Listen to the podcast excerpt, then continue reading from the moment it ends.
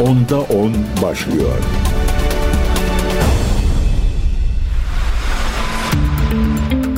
Değerli CGTN Türk takipçileri ben Gökün Göçmen 10'da 10 habere hoş geldiniz. Günlerden cuma haftanın son mesai günündeyiz. Güzel keyifli bir hafta sonumuz olsun diye ümit ediyoruz ama şöyle dünyada da neler oluyor bitiyor bilmek hepimizin hakkı işte bu yüzden de mikrofonun karşısındayız efendim. Başlayalım. Husilerle başlayacağız. Bir süredir Husileri konuşuyoruz. Yemen'deki bir parti Ensarullah Partisi Husiler olarak biliniyor kamuoyunda. İsrail'in Gazze'ye katliamına dönük tepki olarak Kızıldeniz'deki gemileri vuruyorlar efendim. İsrail'e giden gemileri vuruyorlar. Dün de ABD'ye ait bir gemiyi seyir füzeleriyle hedef aldılar ve tam isabet ettiklerini iddia ettiler. Husilerin askeri sözcüsü Yahya Seri, Husilere ait El Masirah televizyonuna bağlanarak yaptığı açıklamada mazlum Filistin halkına yardım Yemen'e yönelik ABD İngiliz saldırganlığına yanıt olarak silahlı deniz kuvvetlerimiz Aden Körfezi'ndeki ABD gemisi Kim Ranger'ı hedef almıştır diye konuştu. Söz konusu saldırının seyir füzeleriyle gerçekleştiğini aktaran Seri hedefi tam isabetle vurduklarını kaydetti. Amerika Birleşik Devletleri Yemen'de Husilerin kontrol ettiği bölgede iki gemi savar füze rampasını vurduğunu daha önce bildirmişti efendim. Onun ayrıntılarına biraz sonra e, geçeceğiz. ABD Başkanı Joe Biden da Kuzey Kaliforniya'ya yapacağı ziyaret öncesi Beyaz Saray'da gazetecilerin sorularını yanıtladı. ABD Başkanı Amerikan ve İngiliz donanmasının gerçekleştirdiği ortak operasyonun Husilerin Kızıldeniz'den geçen ticari gemilere hedef almasını henüz engelleyemediğini itiraf etti. Bölgedeki ABD güçlerinin Yemen'den yapılan gemilere yönelik saldırılara verdiği karşılıkla ilgili Husileri durduruyorlar mı? Hayır. Devam edecekler mi? Evet diye konuştu ABD Başkanı Biden yani yeni operasyonların sinyalini vermiş oldu. Amerika Birleşik Devletleri de Yemen'deki Husilerin kontrol ettiği iki gemi savar füze rampasını vurduğunu bildirdi. ABD Merkez Kuvvet Komutanlığı yani CENTCOM son günlerde Kızıldeniz'deki eylemleriyle gündemden düşmeyen gruba karşı saldırı yapıldığını duyurdu. Açıklamada Kızıldeniz'de seyir sefer serbestisini korumaya ABD ve ortak deniz trafiğine yönelik saldırıları önlemeye önlemeye yönelik çok kutuplu, çok uluslu çabalar bağlamında 18 Ocak'ta CENTCOM güçleri Yemen'de Husilerin kontrolündeki bölgelerde ateşlenmeye hazır ve Kızıldeniz'in güneyine hedefleyen iki gemi savar füzeye saldırı düzenlediği ifadelerini kullandı. Pentagon sözcü yardımcısı Sabrina Singh günlük basın toplantısında Orta Doğu'daki gelişmeleri değerlendirdi ve ondan da önemli itiraflar geldi efendim. Dedi ki Amerika Birleşik Devletleri'nin Irak ve Suriye'de bulunan üslerine yönelik saldırıların başladığı 17 Ekim 2023'ten bu yana toplamda üslerimize 140 saldırı yapıldı dedi Pentagon sözcüsü Sabrina Singh.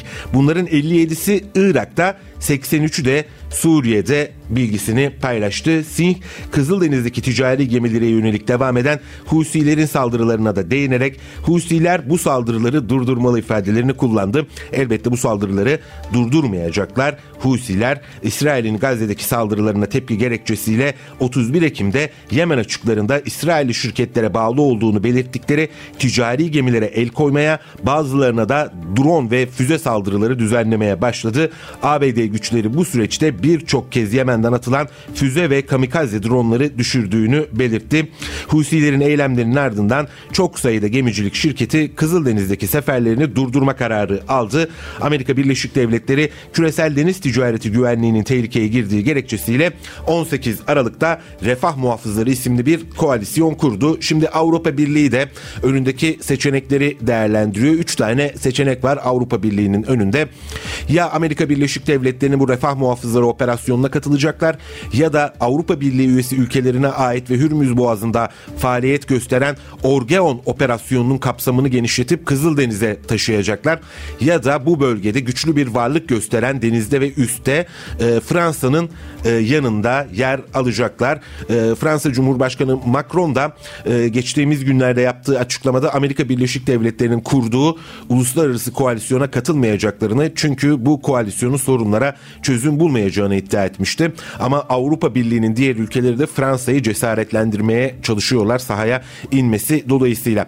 Oysa bu soruna kökünden bir çözüm bulsalar daha mantıklı olacak. Çünkü Husiler bir e, neden değil sonuç. Bu saldırılar bir neden değil sonuç efendim. Neden? Çünkü İsrail'in Gazze'deki katliamları devam ettikçe uluslararası toplumun kimi aktörleri de işte böyle tepkiler verecekler. Husiler füze atacaklar. Hizbullah Lübnan'da İsrail'in güneyini vuracak.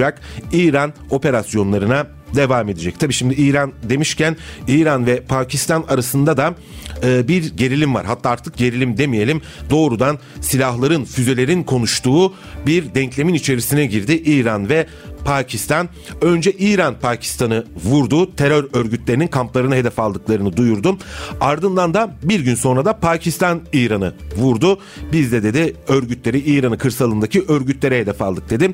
Her iki ülkede yaptığı açıklamada sivillerin hayatını kaybettiğini duyurdu. Pakistan yaptığı açıklamada daha sonra İran'ın toprak bütünlüğüne, egemenliğine saygı duyduklarını, İran'ı bir dost olarak gördüklerini ancak kendi egemenliklerini de çiğnetmeme noktasında karar kararlı olduğunu söyledi. Bu çatışmalar uzayacak mı, uzamayacak mı? Uzamaması temennimiz. Çünkü her iki ülkede aslında birbirlerinden çok farklı pozisyonlarda değil. Dünkü yayında biraz ele almıştık ama özetleyelim dilerseniz. Her iki ülkede kendi ekonomik bağımsızlıklarını kazanmaya çalışıyorlar. Ee, özellikle Çin Halk Cumhuriyeti ile kurdukları ticari ilişkiler bir hayli önemli. Her iki ülkede kuşak ve yol kapsamında yatırımlarına devam ediyorlar ki kuşak ve yol doğrudan Amerika Birleşik Devletleri'nin hedef aldığı daha doğrusu görmek istemediği alternatifler ürettiği bir ticaret rotası her iki ülkede kuşak ve yol içerisinde bir hayli önemli. Pakistan'da Gwadar limanı var. İran'da hakeza öyle. Çin'in e, kuşak ve yolda bir hat olarak belirlediği ülkeler arasında.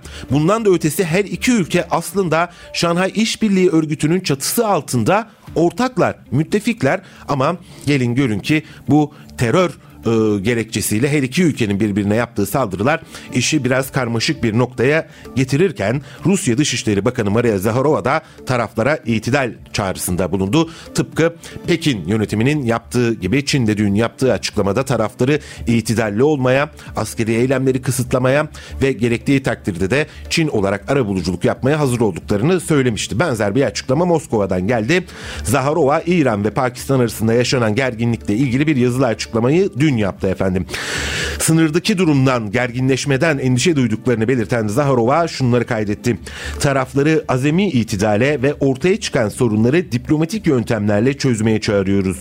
Kendi toprakları dışında yapılan terörle mücadele operasyonlarının ilgili devletlerin yönetimiyle koordinasyon halinde yürütülmesi gerektiğini bir kez daha vurguluyoruz.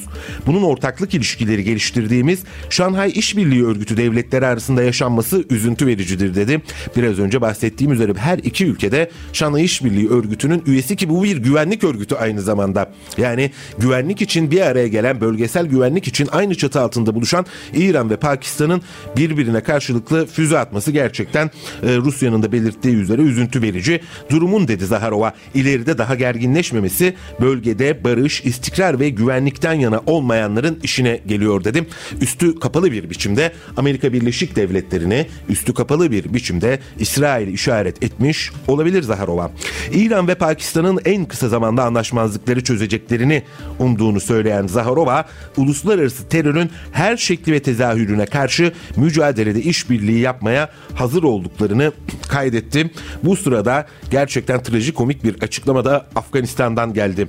Afganistan geçici hükümetinin Dışişleri Bakanlığı sözcüsü Abdülkahar Belhi yani Taliban biliyorsunuz. Afganistan'da Taliban iktidarda ve Taliban sosyal medya hesabından yaptığı açıklamada İran ve Pakistan arasındaki gerilimden endişe duyduklarını belirtti ve her iki tarafa da çağrıda bulundu Taliban. Hem İran'a hem de e, Pakistan'a itidalli davranın, gerginliği artıracak adımlardan kaçının dedi ve anlaşmazlıklar diyalog kanalıyla, diyalogla çözülsün ifadelerini kullandı. Taliban yayımladığı mesajda Şimdi gerçekten yani İran ve Pakistan'ın işte Taliban'dan böyle bir diplomatik e, tavsiye alması mı e, burada trajikomik yoksa Pakistan'ın bu noktaya gelmesi diplomasi ve anlaşma kavramlarının altını çizmesi olumlu mu? Her iki e, önermede haklı diye düşünüyorum. İran 16 Ocak'ta zaman zaman kendi güvenlik güçlerine yönelik saldırılarda bulunan Ceyşu Adil örgütünün Pakistan'daki kamplarını vurmuştu efendim. Pakistan da e, Belucistan, sistem Belucistan eyaletini vurmuştu. E, bu Belucistan Kurtuluş Cephesi ve Belucistan Kurtuluş Ordusu'nun hedeflerini vurduklarını açıklamıştı. Bu e, Belucistan Kurtuluş Cephesi ve Belucistan Kurtuluş Ordusu aynı zamanda e, şuradan anlayabilirsiniz kimi hizmet ettiklerini. Pakistan'ın altyapı projelerine de saldırıyorlar. Pakistan özellikle kuşak ve yoldaki projelerine saldırıyorlar. Zaman zaman Çinli mühendislere saldırdıklarına tanık oluyoruz. Bunlar kimi sevindirir? Her zaman sorulacak sorulardan bir tanesi de odur. Bu eylem kime yarar? Şimdi bu terör örgütlerinin eyleminin kime yaradığı açık. Şanı İşbirliği Örgütü yani bir Avrasya örgütünün çatısı altında ortak olan İran ve Pakistan'ın birbirine düşmesi kime yarar? Burası açık. Umuyoruz e, diplomatik çabalar sonuç verir ve taraflar itidalli bir biçimde e, tekrar normalleştirirler ilişkilerini ve hatta Şanlı İşbirliği Örgütü dedik ya her iki ülkede teröre karşı ortak bir mücadele merkezi kurabilirler. Her iki ülkede e, kendi aralarındaki bilgileri paylaşır ve belki de ortak bir operasyon dahi düzenleyebilirler ya da kendi sorumluluk alanlarındaki terör örgütlerine darbe vururlar diye ümit ediyoruz. BBC'den sizlere aktarıyorum. BBC'de önemli bir haber var. Hamas'ın 7 Ekim saldırısı hazırlıklarını aylar önceden fark eden İsrailli genç askerlerden bahsediyor. Kadınlardan bahsediyor. Bu kadınlar efendim sınırdaki bir görevleri var bu kadınların, askerlerin. Oradaki hareketlilikleri gözlemlemek. Bu kadınların görevi bu. Çeşitli hareketlilikler fark ediyorlar bu kadınlar. Üstlerine bildiriyorlar ama ciddiye alınmıyor. Gelin şöyle habere bakalım. İsrail'in Gazze sınırındaki gözleri diye biliniyormuş bu kadınlar. Yıllardır zorunlu askerlik yapan genç kadınların burada tek bir işi var. Gözetleme üstünde saatlerce oturmak ve herhangi bir şüpheli duruma dair işaretleri gözlemlemek. Hamas'ın 7 Ekim'deki saldırısından önceki aylarda bu kadınlar bir şeyler görmeye başladılar. Saldırı talimleri, rehin alma provaları ve sınır telinin diğer yanındaki çiftçilerin garip davranış sergilemeleri. Noah bu hanımefendinin adı gerçek değilmiş BBC'ye konuşmuş. Gördükleri istihbarata ve üst rütbeli subaylara bilgiler verdiklerini söylüyor. Ancak daha fazlasını yapacak gücümüz yoktu diyor. Bu kadınların bazıları için Hamas'ın büyük bir şeyler planladığı açıktı. Noah bu durumu patlamak üzere olan bir balon gibiydi sözleriyle tarif ediyor. Efendim BBC International bu kadınlara gözlemledikleri artan şüpheli faaliyetleri, yaptıkları bildirimleri ve üst düzey İsrail ordusu subaylarının tepkisizliği diye tanımladıkları durumu konuşuyor. Kadınlar bu arada tabii kanıt sunuyorlar BBC International'a. Ee, WhatsApp konuşmalarını gösteriyorlar. Üstlerine bildirmişler. Yani burada garip şeyler oluyor. Sınırın öte tarafında e, Hamas militanları rehin alma provaları yapıyorlar. E, işte telleri kesme provaları yapıyorlar. Var bir şeyler garip bir durum var diye ama ciddiye alınmıyorlar. Saldırı uyarısı yapanlar e, sadece bu kadınlar da değilmiş. Daha çok şey gün ışığına çıkarken İsrail e, devletine yönelik öfke ve verilen tepkilerle ilgili soru işaretleri artıyor efendim. BBC kızlarını kaybetmiş aileler ile konuşmuşlar. Ordu herhangi bir açıklama yapmak istememiş. Sınır birlikleri komutanı demiş ki bizim şu andaki tek meselemiz Hamas'la savaşmaktır ifadelerini kullanmış ama e, tabi bu hamur derler ya daha çok su kaldırır. E, Netanyahu'nun iktidarı bir kere gidici. Burası çok net. Yani bu çatışmalar ne kadar uzayacak Netanyahu bir taraftan da bu çatışmaları kendi iktidarının garantisi olarak görüyor. Yahu bu adam katliamlarla kan içerisinde koltukta oturmaya çalışıyor. Yani böyle bir insandan bahsediyoruz. İşte Netanyahu demişken dün de Tel Aviv'de bir basın toplantısı düzenledi. Netanyahu tarihin en kötü adamları arasında geçecek. Böyle bir leke dünyaya tarihe böyle bir leke olarak geçecek Netanyahu. Hamas'a karşı kesin bir zafer elde edene kadar Gazze şeridinde saldırılarını sürdüreceklerini belirtmiş. Nasıl bir kesin zafer bu? Yani şöyle söyleyelim 24 binden fazla insan öldürdünüz Filistin'de. The New York Times, Amerikan gazetesi istihbarat kaynaklarına dayandırarak diyor ki 24 binin çoğunluğu kadınlar, çocuklar, yaşlılardı ve neredeyse diyor New York Times gazetesi Hamas'ın üst düzey herhangi bir yetkilisi öldürülmedi ya da yakalanmadı. O halde Netanyahu'nun kesin zaferden anladığı zannediyorum Filistinlilerin tamamını yok etmek zaten soykırımla yargılanıyorlar kendileri. E, bakalım oradan ne sonuç çıkacak ama çok da önemli değil. Uluslararası toplumun vicdanında neyin ne olduğu çok net açık biçimde, sarih biçimde efendim. İsrail Başbakanı ABD medyasında yer alan Washington yönetiminin Netanyahu sonrası ve Filistin devletinin kurulması için hazırlık yaptığına dair haberlerin sorulması üzerine Netanyahu'dan sonraki gün birçoğu İsrail vatandaşının ertesi günü 30 yıldır tutarlı bir şekilde tek bir şeyi söylüyorum. Bu çatışma bir devletin yokluğuyla ilgili değil, bir devletin varlığıyla ilgilidir dedi ifadelerini kullandı. Yani iki devletli çözümü istemiyor Hala diyor ki biz bağımsız egemen bir Filistin devletine karşıyız ifadelerini kullanıyor. Netanyahu Gazze'ye saldırıların sona ermesinden sonra İsrail'in Ürdün'ün batısındaki tüm toprakları kontrol altına alması gerek. Tabi şimdi de gözünü Ürdün'e dikmiş. Doymuyor. Büyük ihtimalle Hizbullah'ın kontrolündeki Lübnan'a da girmeye çalışacak. Ama tabi bakalım ee, o böyle ısırmaya çalıştığı cevizler dişini kıracak mı Netanyahu'nun? Bu durumlar diyor egemenlik fikriyle çelişiyor. Ne yapabilirsiniz ifadelerini kullanmış. Netanyahu bu sırada son duruma bakalım neler var neler yok. Dünya Sağlık Örgütü Gazze'deki acil durum sağlık ekipleri koordinatörü Sen Kasey açıklamalarda bulunmuş ve İsrail'in bir tezini daha alıp tarihin çöplüğüne atmış. İsrail ne diyordu sürekli olarak? Bu hastanelerin altında tüneller var. Bu hastanelerden bize füze fırlatıyorlar. Bu hastanelerde Hamas militanları toplantıda diyorlardı. Dünya Sağlık Örgütü Gazze'deki acil durum sağlık ekipleri koordinatörü diyor ki hastanelerin Hamas karargahı olduğu iddiasıyla ilgili hastaneler hastane amacının dışında başka hiçbir şeyle kullanmadı diyor ve hastanelerdeki durumunda korkunç olduğunun altını çiziyor. Dünya Sağlık Örgütü'nün Gazze'deki temsilcisi İsrail'in 7 Ekim'den bu yana Gazze'ye düzenlediği saldırılarda en az 10.300'ü çocuk, 7.100'ü kadın olmak üzere 24.448 Filistinli öldürüldü. 61.504 kişi yaralandı. Gazze'de neredeyse yıkılmayan ya da ağır hasar görmeyen ev yok, okul yok, hastane yok, kilise yok, cami yok. İşte böyle bir utanç tablosu yarattı İsrail yönetimi. Hanımefendiler, beyefendiler, ister sevinin ister sevinmeyin Trump geri döndü.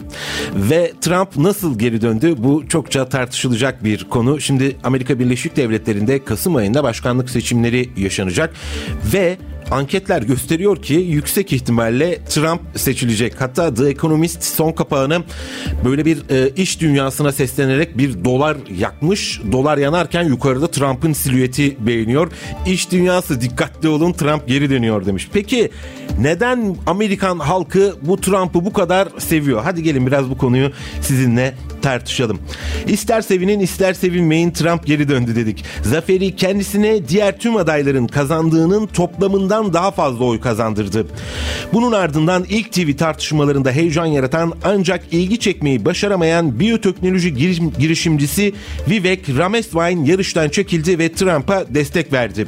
Trump karşıtı eski Arkansas valisi muhafazakar Asa Hutchinson da seçimlerde Trump lehine çekildi efendim. Herkes Trump'a destek vermek için adaylıktan çekiliyor. ABD'nin 60. başkanı olma yarışının henüz ilk günleri olmasına rağmen Trump'ın zaferi Cumhuriyetçiler arasında hala onun bize çok popüler olduğunu gösteriyor. Peki neden bu adam bu kadar seviliyor? Iowa'daki bir Trump destek, destekçisi Voice of America'ya konuşmuş. Demiş ki ekonomiyi tekrar ayağa kaldıracak bir lider olduğu için Trump'a oy vereceğim demiş ki düşüncesinde yalnız değil Trump'ın seçim kampanyasındaki en kilit vaadi ekonomiyi tekrar ayağa kaldırmak. Trump pandemi dönemindeki iktidardayken bu arada pandemi dönemine rağmen ABD ekonomisinin seyri Biden döneminden daha iyiydi efendim. Ee, ABD ekonomisi elbette Covid-19 salgınından bütün dünya gibi e, etkilendi. Ancak şimdi Ukrayna Biden'ın Ukrayna'ya verdiği koşulsuz destek de enerji fiyatlarının yükselmesi, petrol fiyatlarının yükselmesi Biden yönetimi üzerindeki baskıyı arttırdı. Trump da bu konuyla ilgili dedi ki ben Ukrayna meselesini hemen çözerim. Putin'le konuşacak. Yüksek ihtimalle Putin'le masaya oturacaktır Trump ve Amerikan halkı için de çok önemli değil. Ekonomi düzelsin de isterse e, Putin'le konuşsun, isterse Kim Jong-un'la konuşsun ki onunla da buluşmuştu Trump bu arada. Trump'ın bir destekçisi Billy Blataras Trump'ı demiş ki bir dinamik lider olarak tanımlardım demiş. İlk döneminde neler yapabileceğini gördük ve bunu geri getirmek istiyoruz. Başkan Biden ile ülkemizin geriye gidişine tanık oldum demiş. İşte Amerikan basınından çıkan e, notlar bu şekilde. Iowa'daki bir destekçisine göre Trump'ın siyasetçiden çok iş insanı ve ünlü biri olarak tanıtılması da hala kilit bir faktör. Bu ülkenin başka bir siyasetçi tarafından yönetilmeye ihtiyacı yok diyormuş destekçileri. Bence en iyi aday siyaset için bir iş insanıdır diyormuş cumhuriyetçi seçmenler. İşte Trump'ı böyle tanımlıyorlar efendim. E bir de şimdi e, Trump'a karşı davalar açıldı. Kongre baskınından dolayı, başka nedenlerden dolayı e, Cumhuriyetçi seçmen nezdinde bu geri tepmiş. Trump'a e, verilen destek giderek artıyor. E, işte birçok faktör var. Bunlardan e, üçünü sıralayalım. Ne diyebiliriz? Bunlardan ilki ekonomi. Trump döneminde veriler ortada ekonomi daha iyiymiş efendim. Dolayısıyla e, Cumhuriyetçi seçmenler diyor ki bizim için en önemli şey ekonomi. Trump da bir iş insanı oradan alıyor ona veriyor bunu yapıyor bir şekilde ekonomiyi düzeltiyor. İkinci neden bu adam mağdur edildi diyor Cumhuriyetçi seçmenler ABD medyası ABD yargısı tarafından. E, Türkiye'den de çok tanıdık aslında bu mağdurluk hikayesi destek görüyor. Mağdur olan siyasetçi destek görüyor. E, üçüncü neden de Joe Biden'ın kişiliği. Daha doğrusu Trump'ın tanımladığı e, biçimiyle uykucu Biden diyor ona. Uykucu Biden diyor. Çok yaşlı diyor. Bunak diyor. Biden'ı demediğini bırakmıyor. E, seninle bir gün demişti e, şınav yarışı yapalım canlı yayında. Ben senden daha sağlıklıyım. Sen uyuyorsun. Hareket dahi edemiyorsun diye suçluyor. Ve e, görünen o ki Biden'ın yaşı başına bela olacak efendim. Hadi geçelim diğer haberlerimize. Kuzey Kore'den e, bir hamle geldi. Güney Kore, Amerika Birleşik Devletleri ve Japonya'nın Kore Yarımadası'nın güneyinde yürüttüğü ortak deniz tatbikatına tepki olarak su altı nükleer silah sistemini desteklediğini duyurmuş. E, bu Kore Demokratik Halk Cumhuriyeti Savunma Bilimleri Akademisi tarafından geliştirilen bir füzeymiş efendim. Su altı nükleer silahları denemeye başladı. Ee, Kore Yarımadası'nda da gerilim giderek yükseliyor. Ee, Kore Demokratik Halk Cumhuriyeti Türkiye'deki yaygın tabiriyle kullanımıyla Kuzey Kore'nin lideri Kim Jong-un geçtiğimiz günlerde de açıklamada bulunmuştu. Güney Kore'nin giderek ABD ile yakınlaşmasını eleştirmişti. Artık Kuzey ve Güney arasında birleşme ihtimalleri çok fazla kalmadı. Bu ideali biz anayasadan çıkartalım. Bunun yerine Güney Kore'yi baş düşman olarak tanımlayan e, bir yasa, anayasa hazırlayalım ifadelerini kullanmıştı. Amerika Birleşik Devletleri ile ilgili bir açıklamada Venezuela'dan geldi. Hem Asya'dan geliyor hem Latin Amerika'dan geliyor ABD karşıtı açıklamalar ve ABD ile hareket eden ülkelere yönelik tepkiler. Maduro da dedi ki CIA ülkeme dair darbe planları yapıyor. Venezuela Devlet Başkanı Nicolas Maduro, Maduro ABD Merkez İstihbarat Teşkilatı CIA ve ABD Uyuşturucu ile Mücadele Dairesi DEA'nın ülkede karışıklık çıkarmaya çalıştığını söyledi. Başkent Caracas'ta düzenlenen yeni dönem kongresinde konuşan Maduro, CIA ve DEA'nın Venezuela'da şiddet, karışıklık ve darbe planları yapmaya çalıştığını ve bunların Kolombiya'daki DEA üstünde hazırlandığını belirtti. Yani komşu Kolombiya'da bir Amerikan üssü varmış. Sözde bir e, uyuşturucuyla mücadele merkeziymiş burası ama Maduro diyor ki oranın uyuşturucuyla falan alakası yok. ABD istihbaratının yeri orası ve komşudan sızmalar yaparak ülkede iç karışıklık çıkarmaya çalışıyorlar demiş Venezuela lideri Maduro. Bir başka haberle o zaman devam edelim. Ee, bu haber teknoloji dünyasından geliyor. Apple 2023'te dünyanın en büyük telefon üreticisi oldu efendim. Samsung ise 12 yılın ardından liderliğini kaybetmiş. International Data Corporation verilerine göre dünyadaki telefon üretiminin beşte birinden fazlasını Amerikan teknoloji devi Apple gerçekleştirdi. Güney Kore şirketi Samsung ise %19.4'lük bir paya sahip oldu. Ee, Valla ben bu haberi görene kadar dünyada en çok telefonu Çin markalarının ürettiğini düşünürdüm. Çünkü yani çevremize bakınca da hani kaç kişi iPhone kullanıyor, kaç kişi e, diğer Çin markalarını kullanıyor, Android tabanlı telefonlar kullanıyor. Çok daha fazla ben Çin markası görüyorum.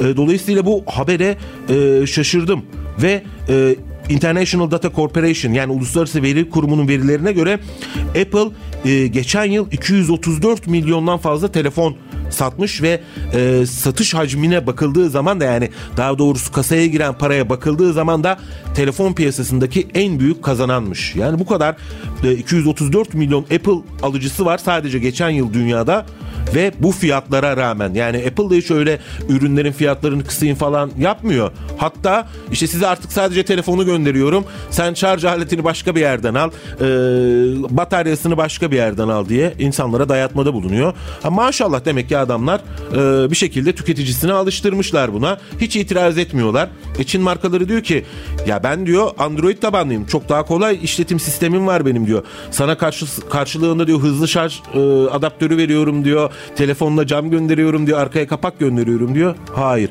E, Samsung Sam, Samsung anlaşılır tabii. Eskiden e, bu şeyin değil mi ne derler ona başkentiydi yani Samsung denilince telefon piyasasında Samsung'a gidilirdi.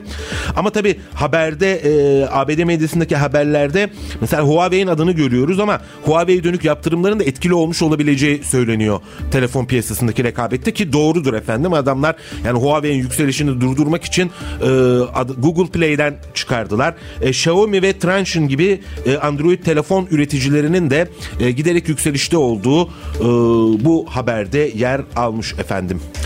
10'da 10 kaldığı yerden Almanya haberiyle ama Almanya'daki Türkleri ilgilendiren haberiyle devam ediyor efendim. Almanya'da göçmenlerin uzun yıllardır beklediği çifte vatandaşlığı kolaylaştıran yasa tasarısı konusunda sona gelindi. Mecliste Cuma günü yani bugün oylamaya sunulacak yasa tasarısının kabul edilmesi halinde Alman vatandaşlığına geçişler kolaylaşacak ve çifte vatandaşlığın önündeki engel kaldırılacak. Sosyal Demokrat Parti SPD, Yeşiller Hür Demokrat Parti FDP'nin oluşturduğu koalisyon hükümeti vatandaşlık yasasının modernizasyonu başlığını taşıyan tasarının yasalaşması halinde Alman vatandaşlığı alan herkes daha önce sahip olduğu vatandaşlığı bırakmak zorunda kalmayacak ve böylelikle çoklu vatandaşlık imkanı tanınacak. Buna göre Alman vatandaşlığına geçmek için istenen yasal ikametgah süresi de 8 yıldan 5 yıla indiriliyor efendim. Yani Almanya'da vatandaşlık kolaylaştırılıyor. 8 sene kalmak zorunda değilsiniz. 5 sene kalınca Almanya vatandaşlığına başvurabilirsiniz. Tabi bunun belirli koşulları var onları da aktaracağız. Ee, ve Alman vatandaşı olduğunuz takdirde Türk vatandaşlığından çıkmak zorunda da değilsiniz. Alman vatandaşlığına geçmek isteyen kişinin ülkedeki yaşam şartlarına uyum sağlama konusunda okul veya mesleki başarısının bulunması, gönüllü çalışmalar yapması veya dil öğrenmek için özel çaba sarf etmesi gibi durumlarda bu 5 yıllık süre efendim 3 yıla kadar indirilecek. Çifte vatandaşlık imkanı tanındığı için daha önce yürürlükte olan ve gençlerin 23 yaşına kadar ebeveynlerinin vatandaşlığı veya Alman vatandaşlığı arasında seçim yapmaya zorlayan opsiyon modeli ise tamamen kaldırılacak. Almanya'da doğan çocuklar Alman vatandaşı olmasalar da ebeveynlerinden birinin en az 5 yıl yasal olarak ülkede ikamet etmesi halinde Alman vatandaşlığı alabilecek. Alman vatandaşlığına geçiş koşulları arasında ayrıca kişinin kendisinin ve bakmakla yükümlü olduğu kişilerin geçimini sosyal yardım almadan sağlaması gerekiyor. Misafir işçi jenerasyonu yani 1960'larda Almanya'ya gelen Türk işçiler ve son 2 yılda 20 ay tam gün çalışan yabancılar ve tam gün çalışan kişilerin yabancı eşleri bu süreçten muaf tutulacaklar efendim. Ee, bu arada tabi Alman vatandaşlığı almak isteyenler antisemitizm, ırkçılık, yabancı düşmanlığı gibi e, meselelerde davalarda ceza almamak zorunda. E, buradan ceza al, alındığı takdirde Alman vatandaşlığından çıkarılabilirler. Bu konuda vatandaşlık daireleri savcılıkla birlikte çalışacaklarmış efendim. Ayrıca çok eşli olanlar veya anayasada yer alan kadın erkek eşitliğine aykırı davrananlar da vatandaşlığa alınmayacak Almanya'da öyle çok eşlilik yasak Almanya'da kadın erkek eşitliğine dair e, ifadelere de e, oldukça önem veriyor Almanya. Alman milletvekili Helge Link yasayı tarihi olarak nitelendirmiş ve Almanya'nın kat, kalkınmasına katkıda bulunan Türklere hayranım ifadelerini kullanmış. 10 yıllardır vatandaşlığa kabul edilmeyen ve NSU gibi suçların çözülmemesine katlanan insanlara bu e, şundan bahsediyor Türklerin öldürülme hadiselerinden bahsediyor. Birçok Türk kökenli insana hayranım demiş Alman milletvekili. Yine de bu ülkede kaldılar ve bu ülkenin bir parçası oldular. Ve şimdi nihayet sizlerin de bize ait olduğunuzu, bu ülkenin inşasına katkıda bulunduğunuzu ve bu ebeveynleri ya da büyük anne ve büyük babaları her zaman Alman olan ya da sonsuza kadar burada yaşamış olanlar kadar Alman olduğunuzu gösteriyorsunuz demiş. Yani evet siz Alman vatandaşlığını aldığınız takdirde artık Almansınız ifadelerini kullanmış ve demiş ki asıl önemli olan da işte budur ifadelerini kullanmış. Buradaki ırkçılık karşılığında da değinmiş. Yani ırkçılık e, konusunda ceza alanlar vatandaş olmayacak. Bizim demiş kırmızı kartımız ırkçılıktır ifadelerini kullanmış Alman milletvekili efendim. Almanya demişken e, enteresan bir olay yaşandı. Dün Almanya'da Avusturya doğumlu Amerikalı aktör ve e, eski Kaliforniya valisi Arnold Schwarzenegger Almanya'da Münih havalimanında gözaltına alınmış. Dün 3 saat gözaltında tutulduktan sonra serbest bırakılan Schwarzenegger'in bir dernek yararına açık arttırmayı çıkaracağı lüks saatini beyan etmediği iddia ediliyor efendim. Saatin satışının Avrupa Birliği sınırları içinde gerçekleşmesi planlandığı için Schwarzenegger hakkında vergi kaçırdığı iddiasıyla da soruşturma e, başlatılmış. AB kurallarına göre birlik sınırlarına 10 bin euro veya daha fazla nakit veya belli değerli eşyalar ile giren kişiler bunu beyan etmek durumundalarmış. Schwarzenegger bunu beyan etmemiş. E, CBC'ye konuşan bir kaynak demiş ki Schwarzenegger'in beyan formu doldurulması doldurulmamasını talep ettiğini söylemiş. Yani vergi kaçakçılığı suçu hani Schwarzenegger yapar mı böyle bir saatle vergi kaçakçılığı o da garip bir iddia. Aynı kaynağa göre Schwarzenegger vergiyi ödemek istemiş daha sonra fakat bu kez de çeşitli sorunlarla karşılaşmış havalimanında. Önce Schwarzenegger'den ödemeyi kartla almak isteyen gümrük memurlarının post cihazı çalışmamış. Schwarzenegger'in en yakın bankadan para çekmek istediğinde ise bankanın kapalı olduğu ortaya çıkmış. ATM'den para çekmek istediğinde de ATM'nin limitleri yetersiz kalmış. Adam da yani kaderinde varmış dün gözaltına alınmak.